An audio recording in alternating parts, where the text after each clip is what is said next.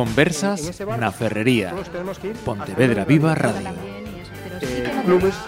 Hola, nos eh, sentamos esta vez en las conversas na Ferrería para hablar, como decía uno de nuestros invitados ahora mismo, en Pontevedra Viva para hablar de, de muerte. Eh, paradojas. Estamos en estas fechas eh, rematando octubre, comenzando noviembre y pensamos pues en, en plantear esta cuestión. Eh, me acompañan, voy a comenzar eh, por, por, mi derecha para que os ubiquéis cuando veáis la, la, imagen. Arturo García, vamos a presentarte. Ese era mi padre, Arturo Perdón, Domínguez. te he cambiado la, el Domínguez apellido. García, sí. mi padre, yo soy Domínguez. Vale, empezamos, empezamos bien. Arturo Domínguez, eh, iba a decir mm, otras muchas eh, vertientes eh, de actividad, pero nos vamos a quedar, si te parece, con la de periodista. Vale. Vale. Eh, José Manuel Barca Valcárcel, bienvenido. Hola, buen día. Eh, en este caso, un técnico de anatomía patológica del Instituto de Medicina Legal de, de Galicia. Rafa Quintía, antropólogo, benvido. Hola, que tal? Xa nos ten acompañado noutras eh, ocasións. Eh, a máis, se, se mal no recordo, Falando da, da morte, a última vez foi precisamente, non? Sí, falando da morte. Bueno, mm. só os vivos falamos da morte. o sea, no máis. Eh, a, algúns igual non dicen o mesmo, eh? Bueno, ah, eh, tamén para completar esta mesa Enrique Vaqueiro, benvido tamén de novo Hola, estes, a estes estudios. Ele eh, licenciado en relacións en relacións internacionais Eh, en este caso, eh, está porque mm, él é de, de orixe mexicano.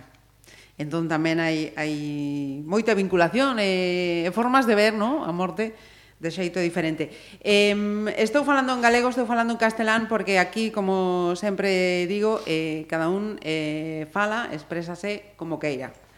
Así que, eh, como punto de, de partida, eh, desde vuestra visión personal, ¿cómo os planteáis eh, la muerte? ¿De forma eh, natural, sin miedos, con, me con, miedos, con resignación? ¿Preferís no, no plantearos el, el, tema? ¿Cuál es vuestro punto de, de, de partida?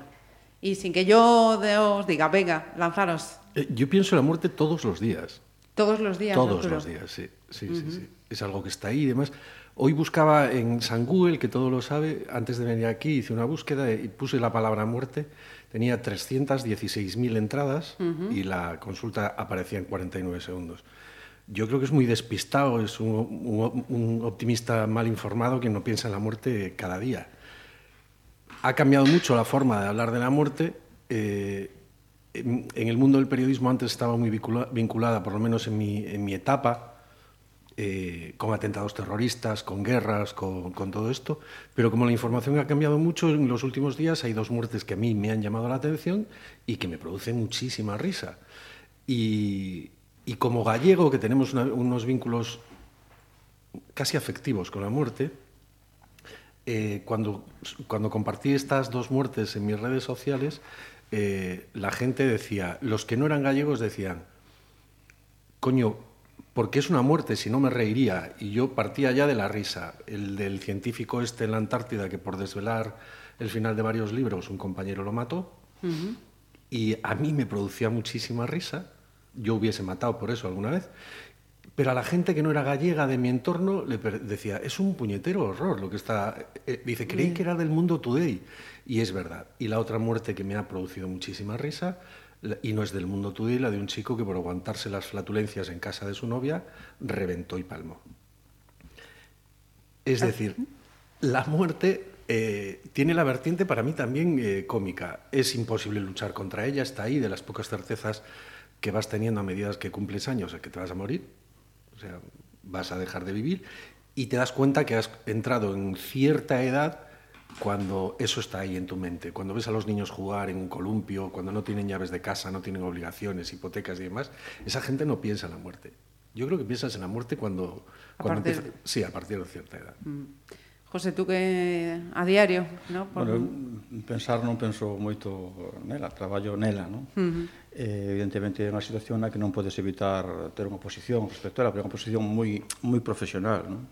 Eh, Mm, habemos con moita naturalidade. Eso non quere decir que, que teñamos hábitos, non quere decir que eh, sea un sea deshumanizada, non, non todo o contrario, canto máis tempo estás, máis, máis tratas de, de buscarlle un, un xeito, un, un sentido, non? E máis, se non abordas esa línea, é mellor que, que abandones, porque, bueno, non dices un, un traballo duro. De todas formas, isto uh -huh. da, da morte ten eh, depende como un confronte con ela, é dicir, se un nunca penso eu, nunca se sentiu abocado ela, nunca se viu perigrar Pero... ata o punto de, uh -huh. de poder eh, eh, falecer, pois eu creo que a posición é distinta, non é máis teórica ou máis práctica. De todas formas, como dicía Machado, a morte tamén eh, máis que pensar eh, se sinte, non? Uh -huh. Entón, iso tamén, tamén é importante. E logo, pois, aquí en Galicia, bueno, pois, sempre tivemos unha maneira moi curiosa de, bueno, como todas as sociedades, como todas as culturas, a morte é unha cuestión nuclear de calquera organización social e temos unha maneira de, de, de enredarnos con ela e de perpetuarnos e, un, modelo de aprendizaxe dos, dos novos e, en fin, que imagino que teremos tempo de falar deso, non? como uh -huh. a morte se estrutura na nosa sociedade e os cambios que temos hoxe en día eh, nesa sociedade tan industrializada, xa tan tecnificada uh -huh. en relación coa morte, como eso tropeza cun modelo culturalmente moi rural no? de Galicia. Uh -huh. Bueno, no meu caso, a ver, eh, eu vexo a morte como un proxecto a longo prazo, en principio non é algo que, que quera afrontar agora, pero sí que é importante eh, ser consciente, tela presente, non? máis que pensar todos os días, tela presente. E iso é algo que se está perdendo hoxendía día bueno, froito dos cambios sociais, de, dun proceso de aculturación, non? donde nas sociedades tradicionais, como era a galega, a morte estaba presente, era algo co que se convivía, co cual eso fai que te afrontes a morte dun xeito máis eh, lúcido, se queres. Eh, pero xe, non, neste mundo da, da inmediatez, do, do consumo, da, da cosificación da, das persoas, parece que a morte é algo que non vai con nós. Bueno, é certo, como decía o compañero, que a medida que te vas achegando, en teoría, non por lei de vida, a ese, a ese paso, bueno, empezas a ese transo, empezas a pensar un pouco máis, non? Pero vendo como vive moita xente, daste conta de que viven de costa esa morte, senón non vivirían así, non? Uh -huh. eh, eso ten consecuencias eh, graves. Eu sempre digo que hai algo peor que morrer, que morrer con cara de gilipollas, porque non sabes que che pasou, non? Porque a nosa cultura dotábanos de mecanismos para, para asimilar, para convivir e para, e para integrar, non? Eh, eso incluso para, para superar a dor e hoxe en día vivimos un pouco de, de, costas. de costas, non? Entón vivimos dunha forma inconsciente, porque a morte é algo polo que temos que pasar todos. Non quer decir que un este amargado, non? Pero hai que saber que un non é infinito, non? É que determinada que se si me meto, non sei, a bucear con, con tiburóns, igual a palmo, non? O sea, cosas deste tipo, non? Mm que, que bo, é o bola O si te haces un selfie como todos estos gilipollas sí, en, sí, claro, non? en una roca de Noruega. Claro, daste conta tamén... Que eh, compras eh, papeletas. Non ser consciente da, da morte, da finitude da vida, eh, leva implícito tamén que non valores o tesouro que é a vida, que podas aproveitar para facer moitas cousas, non? Entón, bueno, eu teño a presente, non é algo que este pensando constantemente, uh -huh. Pero sí é certo que nesta última temporada, sí, precisamente porque morreu un, un, un amigo a miña idade. Morreu en, catro semanas dun, dun cancro dun tumor cerebral. Non me deu tempo nin a, nin a despedirlo. Entón, ese, eses feitos fan que un reflexione sobre o concepto da morte e sexa consciente de que está aí, que pode pasar a calquera en calquer momento, non? E sobre todo o que é a idea da mala morte, que é da boa morte que tiñamos en Galicia, non? Eh, curiosamente, no, no mundo que vivimos, na sociedade actual, o que tradicionalmente era unha, mal, unha mala morte, decir, unha morte súbita, sin tempo de despedirse, arreglar as cousas e tal, é o que a xente desecha, morrer, no? sin, sin darme conta, dormindo, eso uh -huh. é unha... Porque tamén é un reflexo desta, desta de sociedade tan, tan, uh -huh. tan rápida, tan, tan superficial tamén moitas cousas. Uh -huh. Eh, no teu caso, eh, Enrique, mm, te influe Yo... esa, eh, ese origen de mexicano, esa forma que tenéis de... Claro, porque eh, nos acostumbramos a... La, la sociedad mexicana es una sociedad muy católica y luego tiene este rollo de que le viene la época prehispánica, ¿no? Entonces, en cada, en cada sociedad, de, lo, lo dijo José, ¿no? En cada cultura del mundo, pues se, se vive la muerte de una manera muy distinta. Yo, como tengo ese bagaje, estoy acostumbrado a ver altares de muerto en la casa y tal, lo veo con mucha naturalidad y no le tengo miedo en lo absoluto, ¿no? Es verdad que a mí también me murió un amigo hace muy poco, también un poquito más joven que yo, y, y, y yo soy mucho ahora de sentirlo, enterrarlo y darle una vuelta a la página, ¿no? Y entonces a partir de ahí... Eh, pues eso es muy japonés. Sí, es muy bueno, porque mira, es que es así, y creo que es así, ¿no? Porque eh, será que estaba muy acostumbrado a ver a las... A, tú imagínate un chico así de seis años o siete años cuando venía yo aquí a Galicia y veía estas aldeas con con señoras que le morían el, el marido y, y, que estaban 40 años de luto, ¿no? y decía, bueno, pero ¿cómo puedes, ¿cómo puedes superar la vida, el resto de tu vida, si estás ahí atrancada con esa, con esa historia? ¿no? O, eh, entonces, te digo, yo, yo lo llevo muy bien. De, de hecho, estábamos comentando con Marisa que ayer pusimos el altar en la casa, y pusimos el altar y puse a mis abuelos y tal. Me faltan ahí, porque estábamos comentando que ya no nos caben, ¿no? porque ahora ya murieron varios tíos, entonces vamos a tener que ampliar el altar de muertos. Pero lo llevo con mucha naturalidad y sin ningún tipo de miedo. Y sobre todo, eso. Eh, eh, tal, ¿no? con un determinado momento. Hay, hay un tema que sí que me gustaría, y además me gustaría saber su opinión, y ya, sí, sí, ya sí, lo voy favor. soltando, que es eh, con ese tema de la superación. Yo, yo, he visto muchos casos de gente que le muere un familiar, lo incineran y tienen las cenizas en la casa durante muchísimo tiempo. ¿no? Y entonces, yo no soy psicólogo y tal, pero yo creo que eso tiene que ser, no sé lo que opinan ustedes, ¿no? un, un un, un, permanente estar en aquella situación que no te permite... No dar ese paso que decías, ¿no? De avanzar. Los, mira, los japoneses que son muy elegantes, hay un poeta japonés, creo que es un poeta japonés, y si no es anónimo, veneciano, que dice que nadie es suficientemente joven para no poder morir mañana. Y es una gran verdad, y te lo planteas como decías tú, dice un amigo de mi edad, a esa edad en la que no toca. Y luego ellos dicen que, que un, un antepasado tuyo, un familiar tuyo, un amigo, no descansa hasta que consigues olvidarte de él. En nuestra cultura es imposible olvidarte de él. Por las fiestas, por los rituales, el cabo del año y demás, por esa relación que tenemos tan estrecha con la muerte. Yo me acuerdo de la época de la guerra del Golfo, que, que los americanos encargaban los ataúdes en los pueblos estos de Orense, de Rivadavia y demás, para llevar... Eh, o sea, no los encargaron a una empresa de Kansas, ellos que son muy autárquicos, uh -huh. los encargaban a una empresa de Orense que en esa en esos pueblos de Orense, un tío mío que era músico decía que después de la sesión del Bermud, ellos tocaban eh, el descanso de la sesión del Bermud, a, después la, las piezas de la tarde y tal, descansaban dentro de los ataúdes. Esto es impensable. Y solo es pensable, ahora en ciertas culturas es impensable. Y lo que dices tú, solo es pensable para una cultura como la nuestra tener ahí encima de la chimenea la flamenca y, el, y, las cenizas. Yo voy a incinerar a mi perro, es, lo quiero más que a muchos de mis familiares, pero con la intención de tirar sus cenizas en dos, dos, sitios donde es muy feliz. En las playas de la Lanzada, donde nos vayamos los dos desnudos, y en y el extremeño alguna garganta eh, de la vera. Uh -huh. Pero lo de, pero tener, lo, lo de tenerlo ahí las cenizas, encima son muy feas. Yo recomiendo que ve, veáis y nuestros radio oyentes que vean dos páginas que les recomiendo. Una es del entierro de la duquesa de Devonshire, que era una señora, ingle una, una, inglesa fantástica, guapísima, en su día muy moderna, que hizo un entierro, lo dejó escrito como un picnic. O sea, toda la gente del pueblo y del condado fueron a enterrarla como un picnic. Y la, el ataúd es de una empresa inglesa que se llama Willow o algo así. Si quieres luego te doy la página que es como cestas de picnic, o sea, es cestas de mimbre estéticamente mucho más bonitas que estas de pino de tres capas de barniz que no hay Dios que se quiera meter ahí dentro, con flores, las flores con lazos, con todo, que, que, lo ves y dices, coño, es bonito. Yo no entiendo lo de tener ahí permanente. Ya tenemos fotos, ya tenemos recuerdos, ya tenemos la tumba, ya tenemos. todo. No entiendo lo de la, las cenizas ahí. Pero eso no, non leva implícito que ti non teña que non supores o trance. O sea, cada, cada fenómeno cultural hai que estudarlo no seu contexto. Claro, claro. A mí me parece moi positivo a forma que temos en Galicia e tivemos de xestionar a morte. Uh -huh. E non vexo que sexa traumática, todo o contrario. Ah, no, no, no, Hoxe en día a xente necesita apoio psicolóxico. Antes a nosa cultura Ajá. dotábanos de mecanismos de, de soporte do duelo, unha delas é exteriorizar o, o duelo a través da roupa. Eso non quer dicir que a persona non o supere. Non?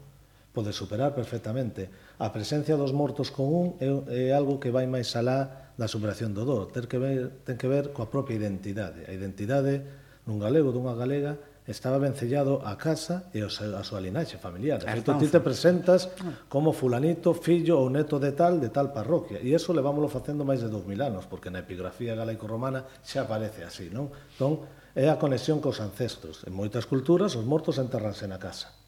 E xa dende hai, dende hai 10.000 anos, xa do comezo neolítico, xa se enterraban os mortos na casa. De feito, eh, incluso na cultura eh, vasca, eh, a tumba da, a sepultura no cemiterio é unha prolongación do eche, da, da propia casa. Entón, uh -huh. ter a cinza na casa non supón non implica que un non poda superar o feito. É unha forma, bueno, de, de que te acompañen, de telos presentes, porque o vínculo cos familiares non morre coa morte, uh -huh. senón que nos establecemos unha relación máis salada da morte. Os nosos defuntos axúdannos, e nos axudámonos a eles. O sea, a, a, a relación familiar non rompe.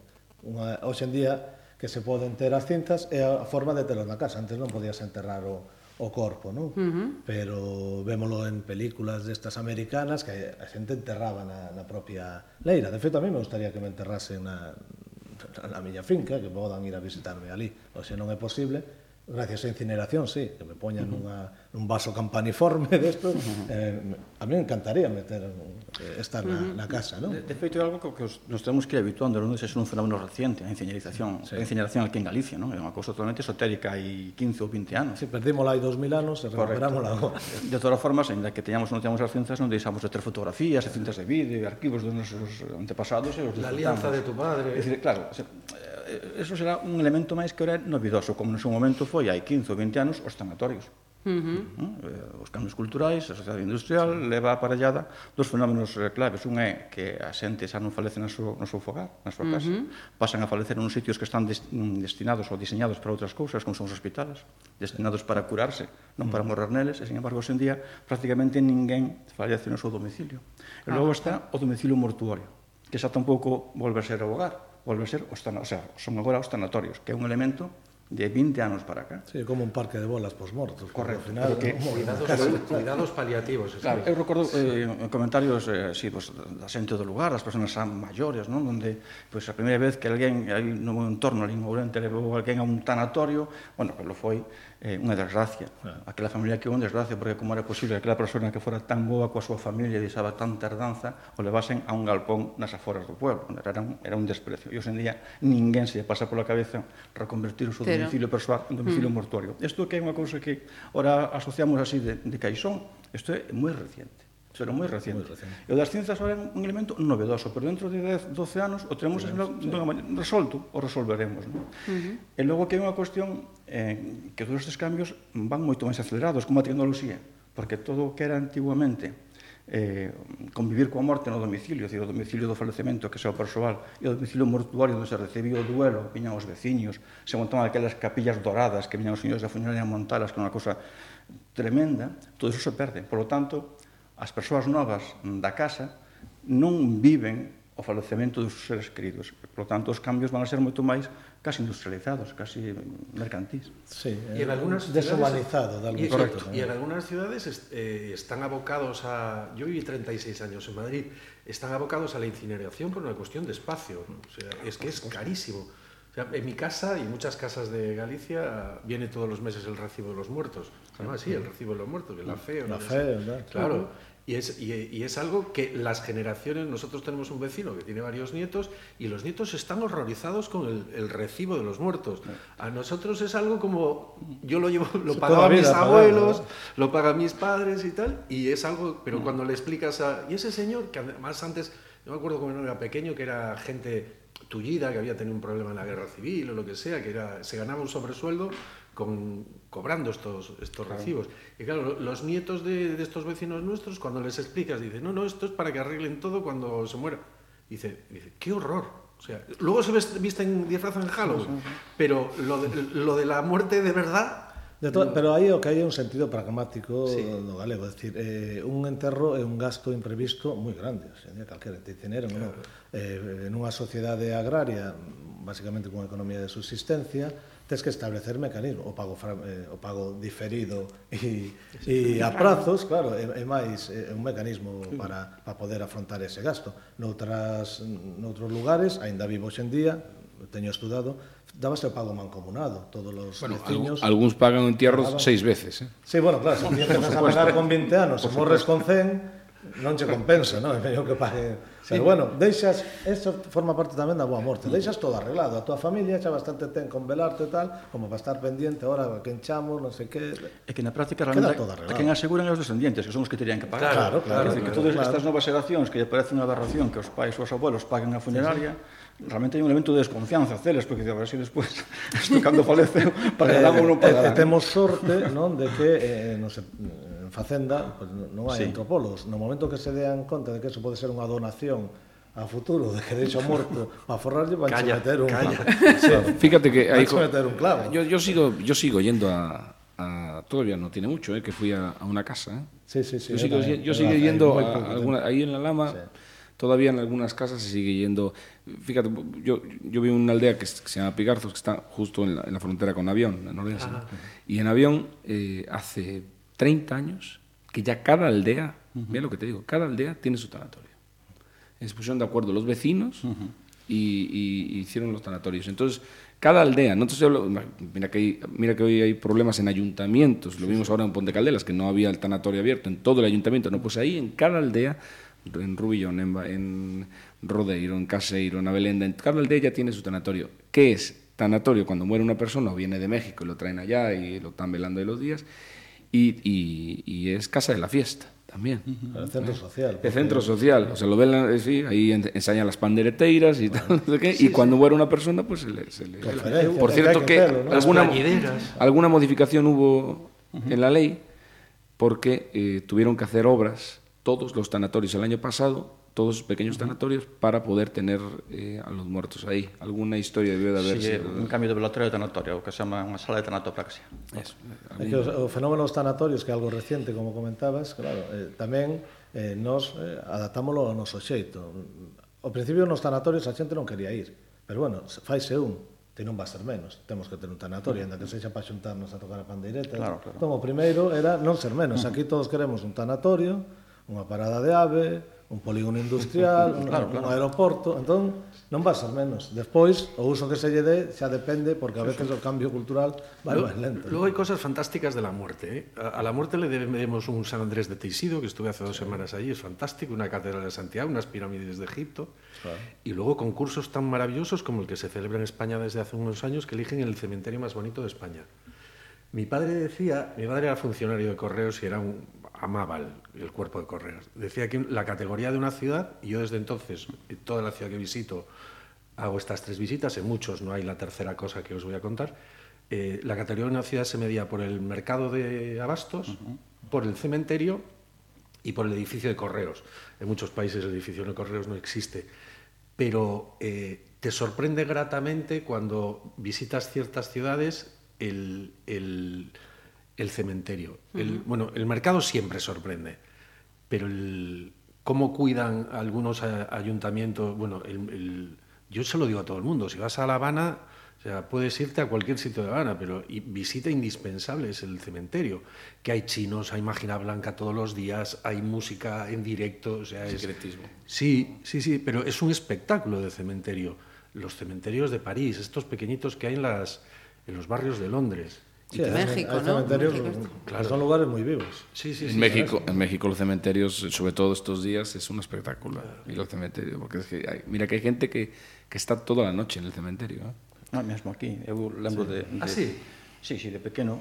Os cementerios, claro, ahora están moi... Muy Eh, Tamén os afastamos, e eh, afastámonos. Claro, están moi urbanizados, Afastaba, porque hai estes panteóns de ladrillo sí. altos, pero antes eran, eran tumbas Nichos. a ras, claro. a ras do suelo, era enterrábase pois, pues, dous ou tres plantas, pero cara abaixo, non? O sea, suelo. antes enterrábante, ahora meten un pudridero. Correcto, sí, sí, sí, correcto. Uh -huh. Porque é un nicho, en lugar onde te vas. Entón adornaban todo con aquilo que se chamaban as mariposas que eran unha especie de un recordades, non sabes sí, que as caixinhas de eh, eh, mosco. Eh, eso, é que facían cun cunha rabanada de corcho, unha lasca de corcho, máis unha especie de un, un papel encerado que viña sendo carta, unha sí. carta de esas de furnier de toda a vida, sí. e unha e unha mecha dunha vela e metían en aceite, un vaso flota, de agua. Flota aceite. Ah, e eso eran as velas. Sí, sí, sí. E son ah, as mariposas. Ah, ¿Cómo se llamaba? Mariposas. Eh. Sí, sí, yo lo he visto, pero no sabía que se sí, llamaba sí, eso, mariposas. Sí, é un invento español de toda a vida, internacionalizado, que ahora está pouco o sea, perdido, por supuesto creo que se siguen facendo, era todo o cementerio a nivel do chan, xeo desas mariposas era, era algo bonito, era, uh -huh.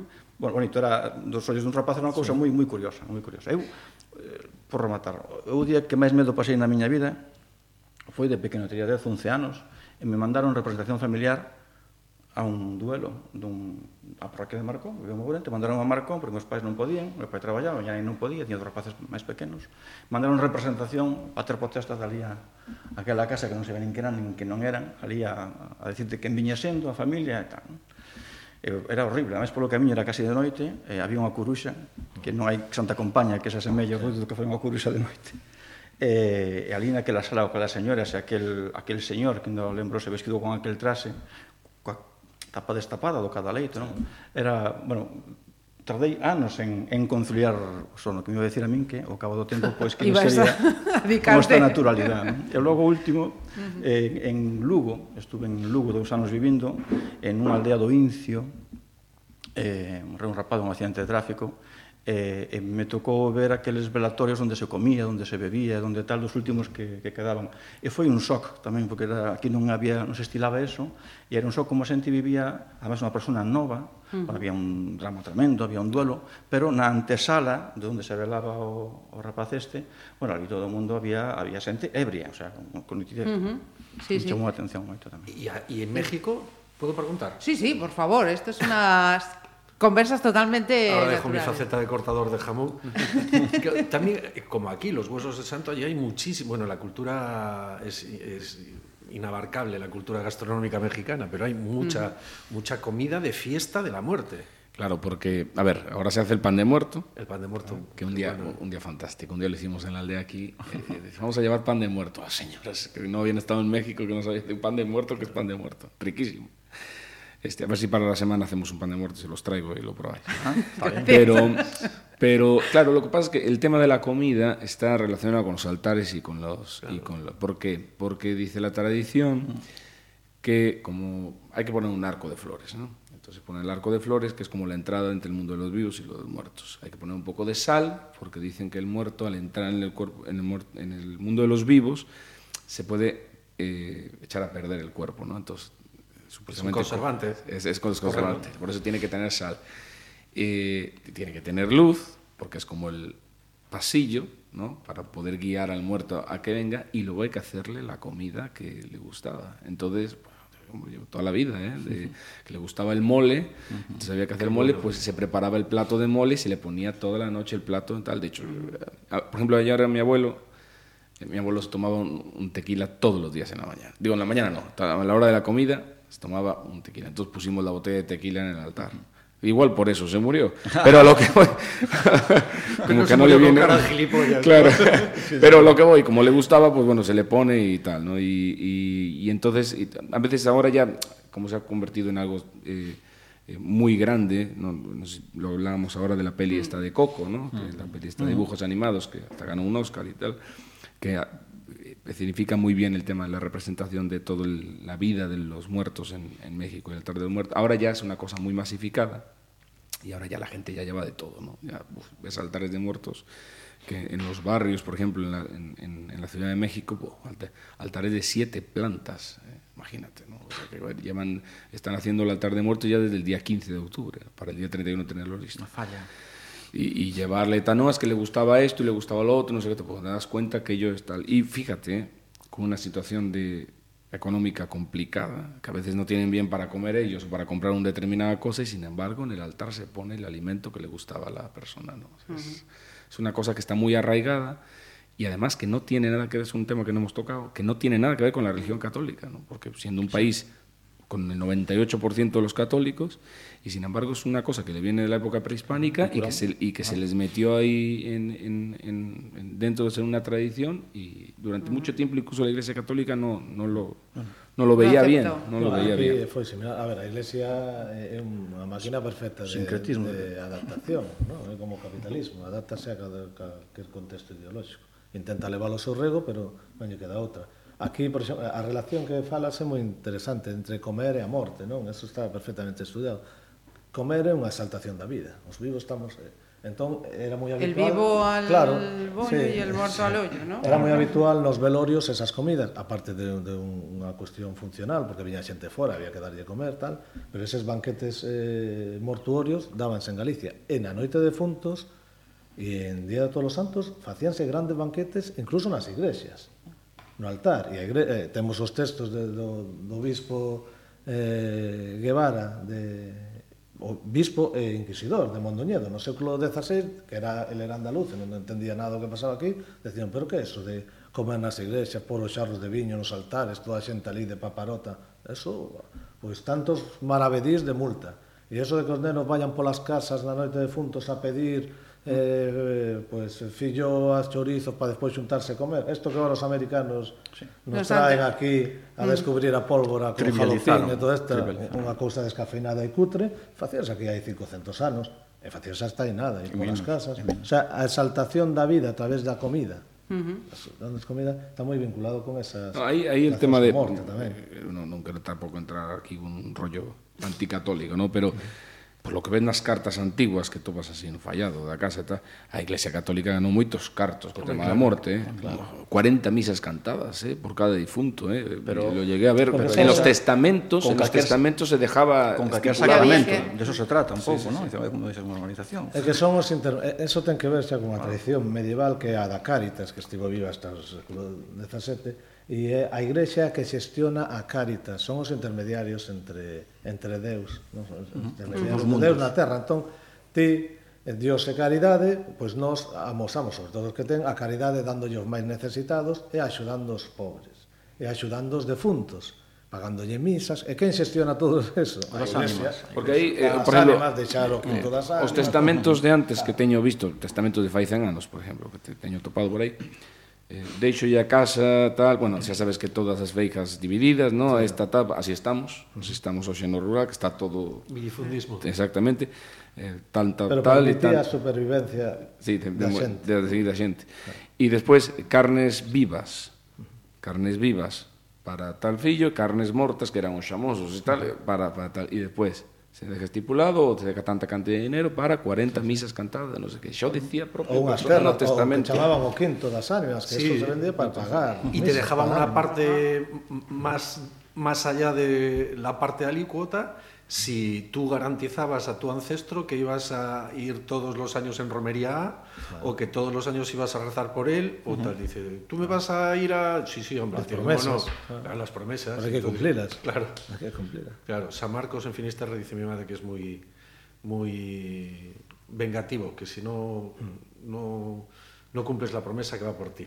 De cualquier manera, eh, eh, el, a mí me da la impresión, y yo, ustedes lo conocerán mejor que yo, pero el- en Galicia eh, eh, la, la muerte no se vive con miedo. eh. No, es como en no, México, no, es como en México, que es Una fiesta, Una cosa, sí, es como si fuera una fiesta. Pero aquí, porque lo que te cuenta incluso la gente es que cuando había los velatorios en las casas, hasta los niños le ataban los cordones a los que estaban sentados y no sé qué, y que había... O sea, que no era, no era un... Algo había, sí. Yo creo que tiene entonces que ver con la cultura latina. Y probablemente sea que pues, cuando vas a ver estos cementerios y ves cómo llevan la muerte en otros países, en Suecia, en Inglaterra, tal, no lo llevan de la... Es un, es un trance, es un ritual de más de duelo y de Pero tal. ni siquiera se leva así noutra zona da Península Ibérica. É unha cousa... Sí, sí, aquí es muy Muy específico. Yo, en La Rioja, por ejemplo, que es el caso que conozco, No, no, no, no. no, se, no se lleva De así. feito, o digo, cemiterio, a, a igrexa, que no seu día foi lugar de enterramento, despois se fixeron os cemiterios pegados, despois al lado, eh, eso non se dá noutro sitio. Facer a festa, o, a, o, o campo carón. festa, o carón, estar sentado no sí, muro sí. do cemiterio vendo a panorama, xogando escondite, sí, sí. eso noutros lados choca. Es, ¿no? es un acto social. Porque, uh -huh. Sí, es, porque está integrada, realmente está integrada na nosa, Mira, hoy, na, hoy, nosa sociedade. Hoy, hoy en la mañana murió una señora en, ahí en la lama, en, en Xesta, ¿no? Y, y entonces se murió a las 8 de la mañana, yo bajé a la lama y está la peluquería de la lama.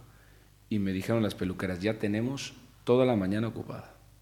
Porque las mujeres van todas a la peluquería sabiendo que ya hay velatorio y entierro ¿Sí? al día siguiente. un acto social tamén. Un acto social. Se llena la peluquería. Es una cosa que es increíble, ¿no? Porque pareciera que son otras cosas. Parece que quien gana cartas aquí, que son el, el cura, el enterrador y el florista, ¿no? Pero las, las peluqueras Ajá. talonean a base de, de difunto. ¿eh? En el, en el programa de Luar, yo llevé al chico este a un programa que hice en La Gallega es un hace monólogos, el chaval este es muy divertido, vive en Sotelo y es florista. Y, nos contaba las, anécdotas, eh, bueno, el problema de celos de las aldeas, de si tú haces una corona con 20 narcisos, como vaya por ahí una vecina y dice, ¿esta corona de quién es? Y dice, es de Pepe. Y dice, yo, a mí es una del doble. Bueno, claro. Sí, para, para regalar más. Eso pasa con saltar, eh, é claro. forma parte nosa competencia sí. por sí, pero sí, forzar sí, sí. a tua Ahora que non me has asoutelo do Monte, desoutedora Virgilio Vieitez, o gran fotógrafo da morte. Sí. Sí. sea, uh -huh. moitas cousas, eh, aquelas fotografías claro, tremendas para... Fotografías post-mortem, para, para enviar anos 70. Había. Aos familiares que estaban emigrados, a fotografía do, do ser querido falecido, unhas fotografías tremendas, que antropolóxicamente están sí. moi valoradas. No. Sabes que fíjate, alguns, pero... a única foto que teñen é a de morto, mm. a nenos que mm. acaban de morrer. Sí, fíjate, ese mismo ejemplo, esa situación que estás poniendo ahora, la trasladamos ahora y sería impensable. O sea, mm, mm. tú pre preguntas y posiblemente hasta... No, no, no. No, no, no, no. O sea, eh, hai conductas eh, sociais eh, que están normalizadas tamén, eh, que teñen que ver coa persistencia, por exemplo, do cadáver no tempo. Existen prácticas sanitarias de conservación transitoria dos cadáveres ou de malsamamento, sí. non o de Lenin, senón máis que se aplican para poder, por exemplo, retrasar a inhumación ou a incineración do fallecido para que veña unha persona que está mirada en Suiza ou tal, e podo uh -huh. velo os tres ou os catro días. Iso se fai en día con bastante seguridad.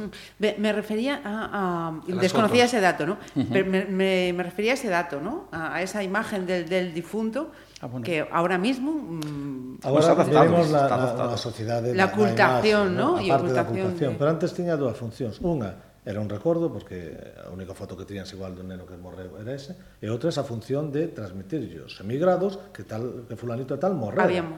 E hai que arreglar. Sí. Era, era a proba da morte dun familiar, que Eso ten que ver cos sistemas de... A mí, claro, claro, a mí, claro. a mí pasoume que, eh, bueno, sou presidente da Asociación de Veciños aí, ¿no? e entonces na Casa do Pueblo a parede pintámola e entonces estaba así un pouco triste, ¿no? E entonces pedín a xente que nos trouxera fotografías antiguas, e entonces me daban a fotografía, facía a copia, devolvía a foto, e entonces tapizamos o mural. Entonces falou unha señora, que non vou decir quen é, porque dixo, bueno, Enrique, ven por aí a mirar unha foto, tá, sabe, cun sobre así, amarillo, cando abre o sobre, Estaba o pai morto na caixa claro. e seis ou sete veciños ao redor en México, todos así con a cara. Velando el cadáver. Tiña máis triste, tiña máis cara de tristeza os veciños que o propio difunto. Pero acaba non nombrar a prova e as testemunhas claro, do claro, claro. Eso ten... Morreu en México, pero foi, morreu en México e entonces como como enterraron a la Claro, Mandaron claro. a filla ya a muller claro, claro, a fotografía claro, claro. de tal e os veciños todos alrededor da casa. Pero hasta os anos 70 evidentemente, evidentemente non puxen esa foto na casa do pueblo. Claro. foto fotos na casa do pueblo, a xente vai estar a comer, pero, mirar. Pero que detrás ese feito hai herencias, hai claro, que partir o capital e eso é unha prueba de E hai sitios prueba de vida, non prueba de muerte. Claro, claro, claro. Donde estas fotos estaban expostas pues, no taquillón, ante a casa, sí, sí, sí, sí. que estén, non? E xa digo que hasta os anos 70 teño visto fotos uh -huh. que se que se facían, non? Hoxe en día, bueno, temos fotos de toda e outras formas de Bueno, hai una, de lembrar, ¿no? hai una anécdota que que é real, a veces xa escoitas como se fora un chiste tal, porque a veces xa, xa escoitei alguno en Pontevedra e tal, pero foi real porque pasou en unha aldea que se llama Prado, en, en Covelo. Uh -huh. De un señor que morreu en Brasil, o contaba mi abuelo, do, a historia, eh, o señor mandaba as irmáns que estaban solteiras así cousas, de vez en cuando mandaba historias e tal. E un día chegou un baúl as irmáns con un montón de cousas e viña unha caixiña coas cenizas, non? E unha, metémolo mejor. Unha estudiada dali da señora dixo, "No, isto isto que porque non viña carta, porque parece que as cartas a veces me chegaba antes o baúl que a carta." Sí. ¿no?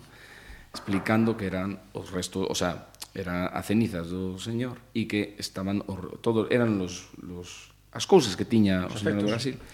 Entón, unha señora dixo que era, eu sei o que é isto é fariña de mandioca. E isto oh. úsase para facer os petotes. Eh. Sabedes o que é o petote? Sí, sí. para cocido. E fixeron no cocido. Bueno. Meteu unha ceniza sí. no... Bueno, despois decía que non, que non pegaba, me, me misturaronlle con... Claro, que non pegaba porque eran cenizas. La semana... E misturaron no con, con, con fariña de trigo la e semana... comeron no cocido. La semana pasada salió en la prensa y tampoco en El Mundo Today eh, una niña que había hecho galletas con cenizas que había en su casa eh, galletas que tenían aspecto, le hecho cookies de pepitas de chocolate y las llevó al colegio. Bueno, non pasa nada. De feito, esa é unha práctica eh, funeraria de moitos povos. Os mm. povos da, da zona do Orinoco, Ajá. Tanzania, ah, sí, sí. eh, incineran e misturan sí. as cinzas con fariña, creo que de mandioca, nos morteiros especiais, uns pa homes, outros pa mulleres, outros pa nenas.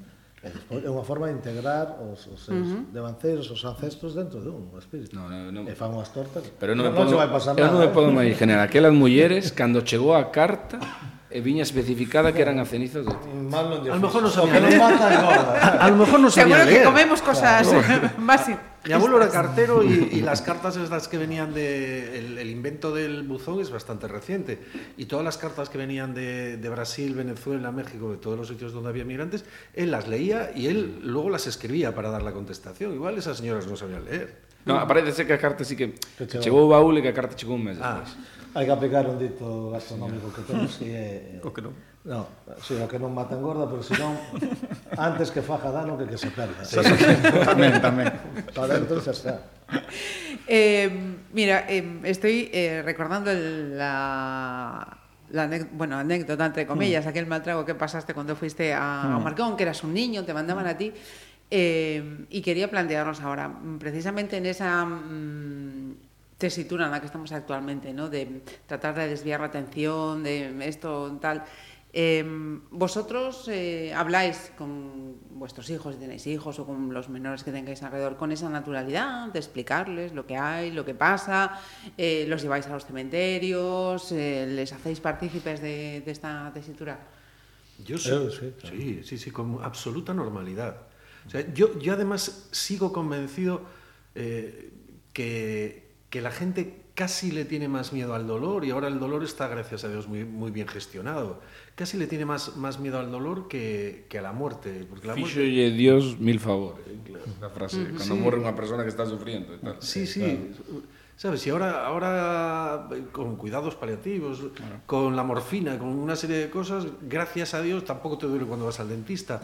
Pero yo, yo de la muerte hablo con muchísima naturalidad. Mi abuelo murió con 106 años, se quedó dormido en la cama y me acuerdo que fue un 18 de septiembre, eh, está enterrado en Salcedo y luego nos fuimos a la playa porque era un día estupendo de sol y tal. Claro, murió con 108 años, se quedó dormido en la cama, pero estaban los nietos, los bisnietos y tal. Y dice, es que no hay ningún motivo para ser, para sentirse mal ni ser desgraciado. O sea, yo hablo de, de la muerte con muchísima, muchísima naturalidad. Es que está aí, é unha certeza. Pero a clave está aí, dicir, o rechazo que temos socialmente á morte agónica e eh, a aceptación que temos da morte globalizada, da morte nesa sociedade. Non? Por exemplo, nós podemos ver unha película tranquilamente onde unha película de guerra ou sin ser de guerra, esta acción que sale en Grond, morren en 15, en 15 minutos 25 tipos. Además, eh, parece que lle dan un aire, un mal disparo, xa quedan quietos. Un sopapo xa, xa morren, non? Xa morren, xa asumimos con, uh -huh. con facilidade. Unha película clasificada para 11 anos, poden morrer 15 tipos sin problema ningún nesa película. Pero non hai ninguna morte agónica, ese estertor, ese, ese tal. E socialmente, nós todos os días asistimos con, tranquilamente con medio de comunicación, nos dice que este ano en accidentes laborales pues, hubo 300, 300 ou 200. O que en Semana Santa moraron 25 personas. O que a Semana Santa que vai vir en función do tempo que está vendo e o meteoxato que nos dice, vai haber uns 32. Facemos previsións da xente que vai morrer. E asumimos sin ningún tipo de problema. Pero a morte individualizada, a morte personal, a morte agónica, escapamos dela como da peste, evidentemente. Nos hospitales, estas salas de paliativos, Uh -huh. eh, están aí por algo, porque é unha demanda social e o debate social entre a eutanasia uh -huh. e, o, e a disnasia, a distanasia, que é o encargamento terapéutico ou aplicar medidas eh, precisamente curativas a, a casos que non teñen volta atrás, pois é un debate que está Candente, máis, máis vivo cada vez. Uh -huh. Sí, sí. É que realmente o que se ten moito medo é a dor, obviamente, e o sufrimento, non? A, a morte podes integrar e, sobre todo, ese momento do transo, que sexa o máis suave e, uh -huh.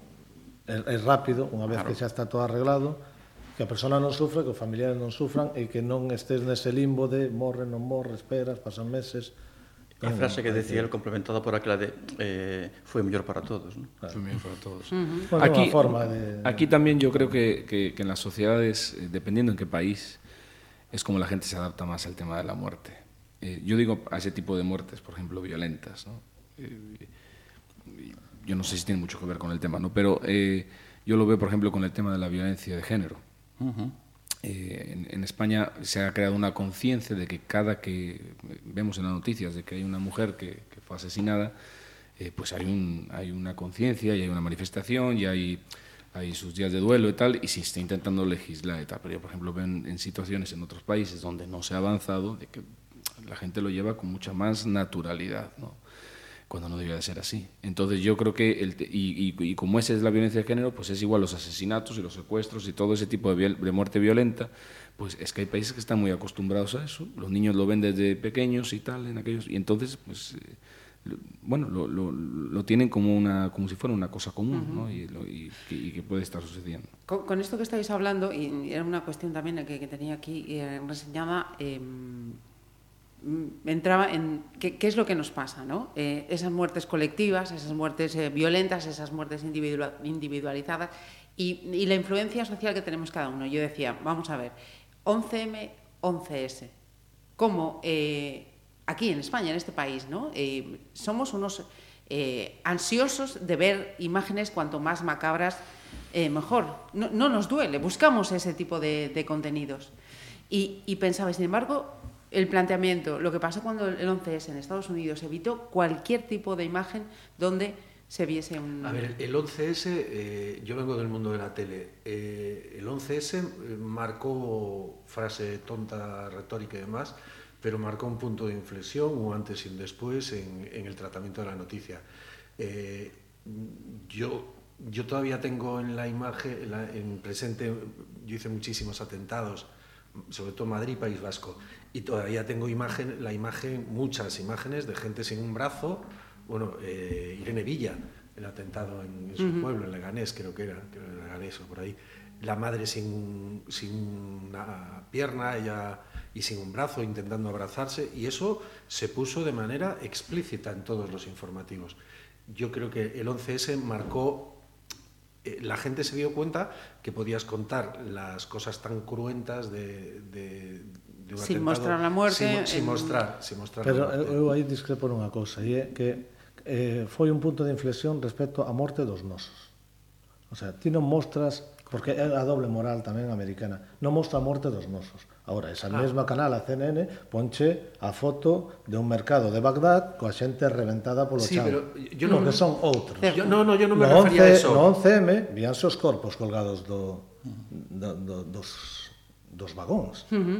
Moi pouco, eh? e según que cadena. E en, sí. en, según en, que cadena, en eh. xornais. Eh? Eu lembro aquelas reportaxes do interview onde se veía os corpos claro. desfeitos. Uh -huh. Eso sigue, por exemplo, presente nos xornais sudamericanos, en, en México, ves os corpos. Según que cadena. Sí. Eh, en el, ahí, ahí fue la primera vez que, que hubo reuniones que se reescribieron los manuales de estilos Y por supuesto, hay gente todavía que sigue abriendo los informativos con esta barbaridad de decir, las imágenes que van a ver, les avisamos, van a ser muy dolorosas. non las enseñes. O que pasa que a veces a, a forza Pero dunha imaxe... Cambiou mucho, eh. eh? Ten un poder transformador. Eh, a, a imaxe de un neno de dous anos tirado Uf. nunha praia morto, uh -huh. ten, ten capacidade a veces de transformar as cousas. Eh, eu entendo que dende o punto de vista igual de un, dun xornalista gráfico tal, ten esa necesidade ver, de transmitir. La imagen del niño ese o la imagen foi retocada. Mira, vale. la imagen del niño ese o las imágenes de de del tsunami sirvieron entre otras cosas para barbaridades tipo bajamos los precios para que gente siga yendo allí de vacaciones. O sea, Porque eh, todo eh, se puede el tratamiento el, el, tratamiento el tratamiento informativo de las cosas gracias a Dios ha cambiado, pero también es cierto que ha cambiado para que no se vea a una Irene Villa, que esas imágenes están en el archivo de todas las televisiones, con trozos de carne sí, sí. Eh, y, uh -huh. y sangrando y un guardia civil haciéndolo en torniquete, eso ahora ya no se muestra, pero se hacen barbaridades tipo eso vamos a retocar la imagen del buitre con un niño al lado que está, está a pocos minutos de morir. Porque ahora sí es cierto que algunas cosas se cuidan más y en otras nos hemos pasado 17.000 pueblos con el censo. Yo creo que lo que estás queriendo decir es que el tema es como si hubiera una... Yo me acuerdo que un día vi un... no sé si fue de Forges, una caricatura que ponía eh, valoración de, del dolor, ¿no? de valoración de la muerte en función de cada país. Entonces le ponía a Estados Unidos 100 y entonces la muerte de un americano pues era 100 y luego así hasta abajo hasta que llegabas a, a, a bueno, Israel, no, Israel debía tener Palestina. 80 tal. Los americanos Y- y- graban con un dron como un helicóptero revienta a 20 Pero personas. cando e foi non a, pasa nada. o tsunami de Haití, onde morreron miles, centros de personas e había moita xente de vacacións, se montaron uns equipos forenses maravillosos de Australia, de Japón, de Estados Unidos para botar unha man ali, realmente isto non se pode decir así moi en alto, pero realmente iban a axudar, pero había unha preocupación social nos países de orixe dos visitantes de identificalos canto antes, porque detrás dun europeo, dun americano, dun australiano, hai un actor económico. Detrás dunha persona do terceiro mundo hai a súa vida pero en termos socioeconómicos pouco hai. Hai moita hipocresía. Entón, se vai ali a eh. axudar hipócritamente a moitos países a botar unha man, pero o que estás facendo, perdonar a expresión, é este no, este non, este sí, o sea, por menos sí, este sí, prioritario, sí, sí. por menos pos que vamos ali, non? Sí, sí. Isto é un pouco duro de decir, seguramente pero podría bueno, decir de unha maneira máis sensible. Es verdad, si tú has pero viajado a ese es país co, sí. comprándote el, tar, la, el billete de avión con tarjeta Visa... Seguramente se pensar un pouco mellor... Pero tamén é normal pero... que un sintas mortes próximas claro. eh, de xeito diferente. E iso vemos, eh, morren dous en París e la poñemos Claro. As banderitas no Facebook morren en Kandahar 4.000 e non pasa nada, eu, porque son os outros. Eu vou romper un, Todos somos, tamén. Unha laza polos medios de comunicación aquí, en, por menos en Galicia, o que eu vexo máis de cerca. Eu creo que hai, eh, se aprendeu moito, non? por exemplo, en relación con morte suicida a sociedade prácticamente non se informa dela. No, no está, uh -huh. Bueno, en las televisiones que yo he trabajado, yo he trabajado no yo en 7, está prohibido. Sin embargo, a, ayer, decir, fíjate, eso, eso vi, vi, una información una... en... Uh -huh. Bueno, decirlo porque no pasa nada, fue en Antena 3, donde sí, sí. se salió una información de un suicidio. Me llamó la atención, sí, ¿eh? Me, me llamó la atención. Para nosotros, ¿Por qué? Porque todos sabemos que hai un componente estacional, que xente con as patologías base, que poden sentirse animados, sabe? Tamén se está... discute sobre a violencia de xénero. Correcto. Sí, sí. Correcto. Darlle publicidade por un efecto Mira, bola en- ou non, pero claro, en, el- en Reino Unido, correcto. eh, En el Reino Unido hace muchísimos años, eh, aquí sería impensable. O sea, ya aquí impensable, pero supieron, se pusieron de acuerdo todos los medios de comunicación, hasta los tabloides y demás, para no informar sobre los atentados del Irak. Al, al perder la parte de publicidad, el número de atentados Pero- bajó Pero una barbaridad. Pero sé política. No, no, no, no, es política informativa. O sea, bueno, la- pero- lo- los informadores tienen también una parte de responsabilidad. Pero- pero de gobierno, desde el Sí, sí, gobierno- Aquí, aquí ya te digo que sería im- impensable. Sa, sa, sa. O sea, tipos tan detestables como Pedro J. Ramírez, si tiene la imagen de, de alguien saltando por los aires, dirá. eh, les voy a mostrar unas imágenes muy cruentas, pero. Aí, aí van. Mire. Hai moitos intereses. En todo caso, o que diz a sociedade inglesa, ver o pragmatismo, hai un tempo hubo un debate moi grande a nivel ético e era porque había un tanatorio que aproveitaban o calor que producía na incineración dos corpos para quentar a piscina municipal. Uh -huh de... Es buenísimo. De, de, de, eh, climatizada, claro. A ver, unha optimización de enerxía, pero claro, dende un punto de vista ético-moral, hasta que punto que bueno, é, a, bueno, pois pues, eh, a, a sociedade cambia tamén a mí me parece suicidou, fantástico. suicidouse un home que se tirou no metro eh, e, e non cortaron a línea do metro hasta media hasta media mañá porque era hora punta e non querían causar tal e cando foron a recoller o corpo no, despois de tantas horas pasando metro. O sea Aquí... que a sensibilidade cara a morte yo, tamén yo si les digo que se si un día vais a, a, a México eh, o, y, y veis por ejemplo la, la, los diarios de los medios de comunicación, el periódico más vendido se llama La Prensa, y que es de Olegario Vázquez Raña, Claro, de- señor de tal, eh, de avión, y, y las fotografías es el que... no, ahí no te ponen la noticia de si se construye o no el aeropuerto, tal, eh, ahí las noticias son atropellado, no sé dónde, no sé qué. El caso Hombre, aquí, final. ahí, Claro, que no sé. Eu, José, ibas a decir. Sí, una Sí. Aquí en Galicia temos un feito desgraciado aí ben recentemente, que foi o caso de Angrois. Angrois. En Santiago de Compostela, onde os medios de comunicación tuveron un comportamento mm, brillante, excelente. É dicir, se exemplariza por adiante con ese modelo de, de conducta, que basicamente se resume en que eh, ninguén ten que ter máis información que un familiar dun afectado. Dicir, non pode haber información colectivizada que os afectados propios non teñan antes eh, e vendada. Non? E iso foi o que pasou aquí. Eh, os medios foi un comportamento, ademais, intuitivo. Intuitivo, eu o quero decir. Cierto, Uh -huh. cierto. Lo, sa- lo sabemos bien. Eh, para ir, para ir terminando, porque además sé que hay, que hay compromisos eh, diarios vitales que, que, que hay que cumplir. De hecho, yo tengo que ir al tanatorio. eh, vosotros habéis eh, expuesto a, a vuestro entorno más próximo qué queréis eh, que hagan con vosotros el día que llegue el momento. Eu sí teño falado con total naturalidade, pero creo que non mo van facer. A mí me gustaría que me incineraran, me meteran nunha vaso campaniforme de barro e me enterraran nun dolmen que Lo me fixeran na aldea. Uh -huh. Pero me parece que vou ter que facelo eu. Non gustaría ter aí un... Por que non? Porque hai que ter en conta unha cousa.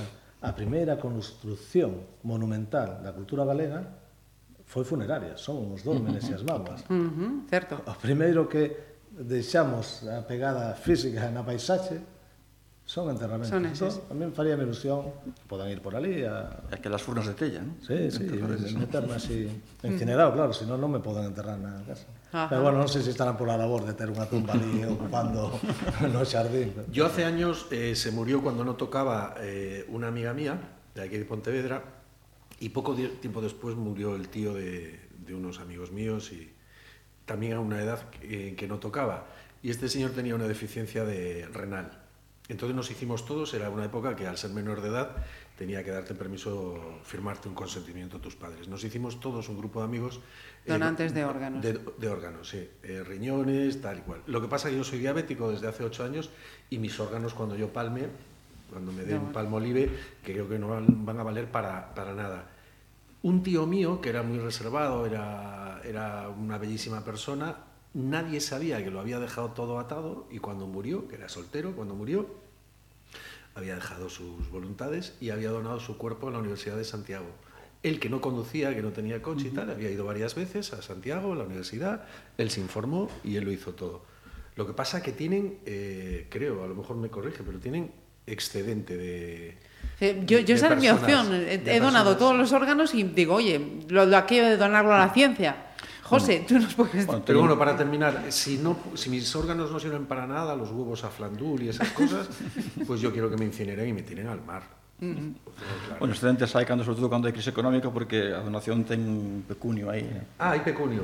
Mm. Por lo menos antes había, non sei ahora como es que é cosa da universidade. No, no, te, te, te, te evitas mm, el, claro. el entierro, toda la ceremonia. A mí, a mí o que me preocupa é resolver ben a vida, entonces mm -hmm. o que pasa despois mm, te me da... importa ben pouco, porque creo que ah, a, a fácil é confrontar coa morte cando non ten a vida ben resolta e diso as cousas arregladas, dá un pouco igual. Non? En todo caso, se pudera escoller incineración indebitadamente, porque eu teño a desgracia de saber o que pasa despois da morte, eso eh, incinerar in, seguro. E logo, do peor que hai en relación coa vida e coa morte, nos, no traballo noso, eh, que vemos moitas cousas, é cando alguén falece e está ali 5, 6, 7, 8, 10 días e ninguén ven por ele Oh, Eso é o máis triste que hai, con dependencia de como se morra, non é que, uh -huh. que ninguén bote te mandou.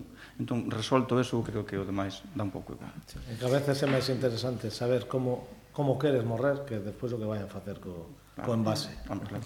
Uh -huh. Yo, eh, y, y, con respecto de lo que habías dicho antes también, de lo que me gustaría, yo no tengo hijos todavía, y ya que los tengo, pues me gustaría que sirvieran a la tradición. Como yo sí creo en ese mundo de los muertos, que no sé si es el mundo católico, creo que no, pero sí en esa tradición que me metieron, a mí sí me gustaría que mis hijos pues siguieran con eso. Exacto. Y entonces no, a mí no me hace falta estar en ningún sitio, a diferencia de la cultura gallega, ¿no? De muchas cosas que pues es ahí, lo, ahora paseado hoy por la plaza de la herrería, que yo era una marabunta de compra de flores, todo el mundo va a llevar las flores a la persona porque sabe que está ahí, ¿no? Pero con esta tradición que tenemos nosotros, pues nosotros no, no tenemos que estar en un sitio porque ya todos los días 31 de octubre se hace el altar y ya vendré yo aquí a verlos, que me pongan de comer pues unos tacos también, porque yo soy muy, un cocido, tío, un cocido.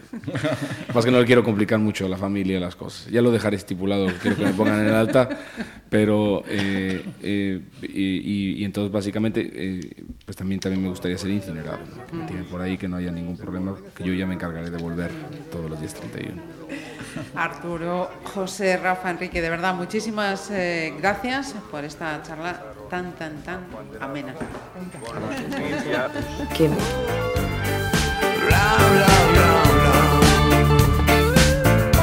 Conversas na Ferrería. Pontevedra Viva Radio.